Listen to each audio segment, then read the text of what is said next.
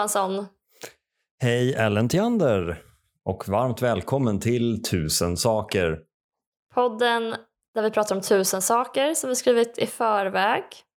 I en lista med tusen saker som slumpas fram med hjälp av den otroliga producenten Sally.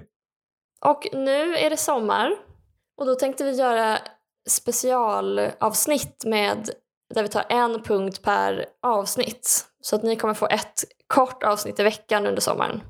Precis. Man kan tycka att det är låg nivå, men vi gör detta för att både upprätthålla vår, alltså, eller S-kvinnors linje om att alla har rätt till fem veckors semester, men också mm. upprätthålla den nyliberala dogmatiken, den nyliberala dogman och arbetslinjen. Um, så vi vill, inte, vi vill inte bryta the line of content.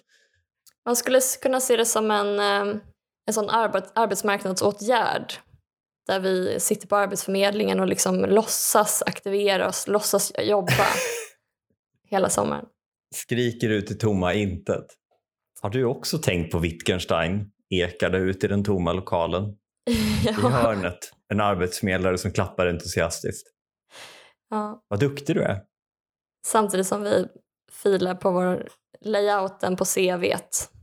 Det, det är ju onekligen någonting som eh, förvånar mig detta med CV-skrivning och personlig brevrepning. Mm. Eh, att det är någonting som erbjuds av, av alla fackförbund och eh, ja, också i stor mån Arbetsförmedlingen. Har vi inte lärt oss det nu? Eller? Man öppnar Word, man skriver sitt namn och vad man har jobbat med. Jo, precis, men någonting måste de göra på Arbetsförmedlingen. De kanske skulle kunna gå en kurs i, i så jobbmatchande. ja, precis nu är jag ju arbetsgivare själv och i de fallen jag får in CVs som är bra så slänger jag dem. Du blir misstänksam av en för bra paketering och retorik. Ja, men, men lite så. Alltså, det kanske hänger ihop med att jag är tokförälskad i märket Blåvitt från Coop. Att det verkligen var så. Kaffe och så står det kaffe på. Liksom. Mm. Men nu, nu har vi ju, liksom, som vi har pratat mycket tidigare om i podden, liksom sälj, säljgrej med, inte tjej, men säljgrej med väldigt många ord. Mm. Och jag känner det att um, skulle jag få in ett CV där det bara var en lapp där det stod ta mig, kram Börje, så kanske det är Börje jag borde ringa. Punkt 938. Eh, det här med att postlådor flyttas från det mottagande huset för effektivitetens skull på landsbygden. Det här är en punkt som nyligen har blivit eh, förvånansvärt aktuell. Så det gläder mig att få prata om en sån här brännande fråga. Mm. Det handlar då alltså om att eh, posten för det som kallas för lantbrevbäring får flytta postlådor till en plats där man kanske samlar ihop flera hus, hus postlådor på ett ställe. Så att brevbäraren kan åka dit, ploppa i breven och sen vända eller åka vidare. Eh, förr i världen så när hela Sverige jobbade som brevbärare så fick alla ha en låda vid sin tomtgräns. Men eh, så är det alltså inte längre. Utan nu får posten flytta brevlådorna upp till 50 meter från tomtgräns om jag har förstått rätt mm. på den artikeln jag har läst hos. Min källa på det här är då svenska YLE. Så att man vet ju inte vilken bild finnarna har Nej. av Sverige. Men det, då ska de stå längs med landsvägen då till exempel. Mm, precis. Och det här har ju då posten utnyttjat eh, ganska brett för att kunna effektivisera sin verksamhet. Och nu den 13 juni 2021 så kom det ett nytt förslag från PTS eh, som föreslår att man ska kunna flytta brevlådor 200 meter mm. från tomtgräns. Vad är PTS? Post och telestyrelsen. Mm. Och då läser jag från Dagens Industri så uttalar sig eh, enhetschef för postfrågor Emma Maraskin. Vi menar att 200 meter är ett rimligt avstånd till sin postlåda. Brevvolymerna har minskat kraftigt medan e-handel och paketleveranser ökar. Eh, Emma fortsätter. Vi tror att det här i slutändan bättre kommer att motsvara mottagarnas behov. Men vi vet att postfrågor är något som väcker starka känslor. Och jag tror att initialt kan det säkert väcka oro över hur det här ska gå till. Jag bara tänker, då när jag hör det här att det låter väl rimligt i och med att brevvolymerna har minskat så pass och i och med att vi inte har något postmonopol längre. Annars hade ju det här löst sig själv för då hade ju posten bara kunnat ta alla paket istället och så hade ja, vi kunnat ha postutdelning överallt. Men, men, eh, men det är ju inte ett alternativ. Det, det vore ju sjukt om vi skulle ha liksom, jag vet inte, en aktör som åkte överallt och så skulle allt som skulle kunna ta sig dit åka med den aktören för de är ju ändå där.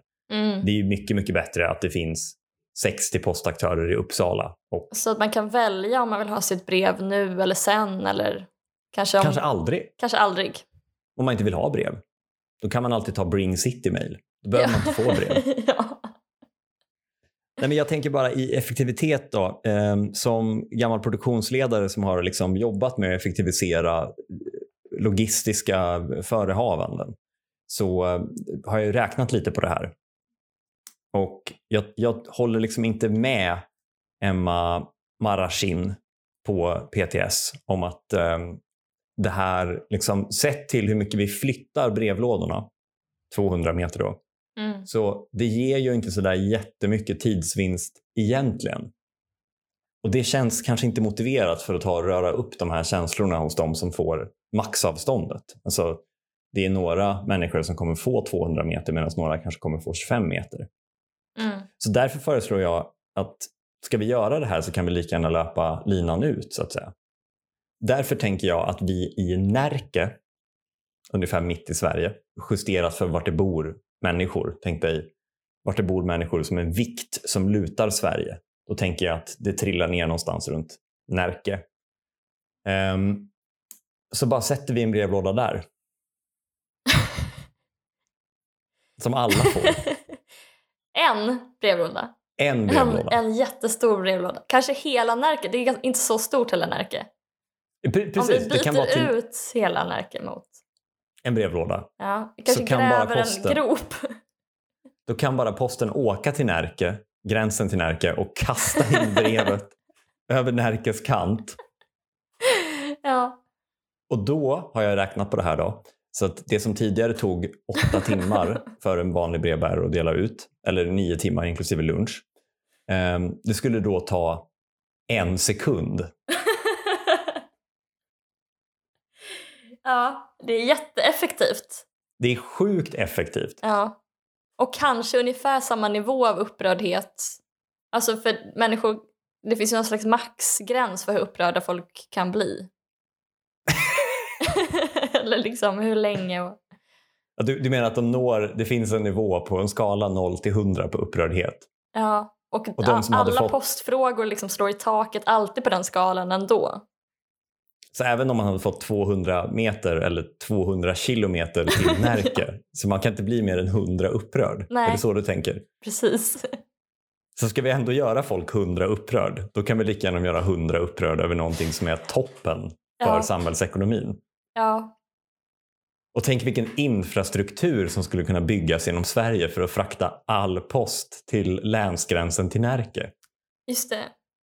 Alltså tycker man att Kina har balla motorvägar liksom med 32 filer, tänk dig bara liksom de fil, alltså nät, järnvägar och motorvägar som skulle gå till Närkes länsgräns. Mm.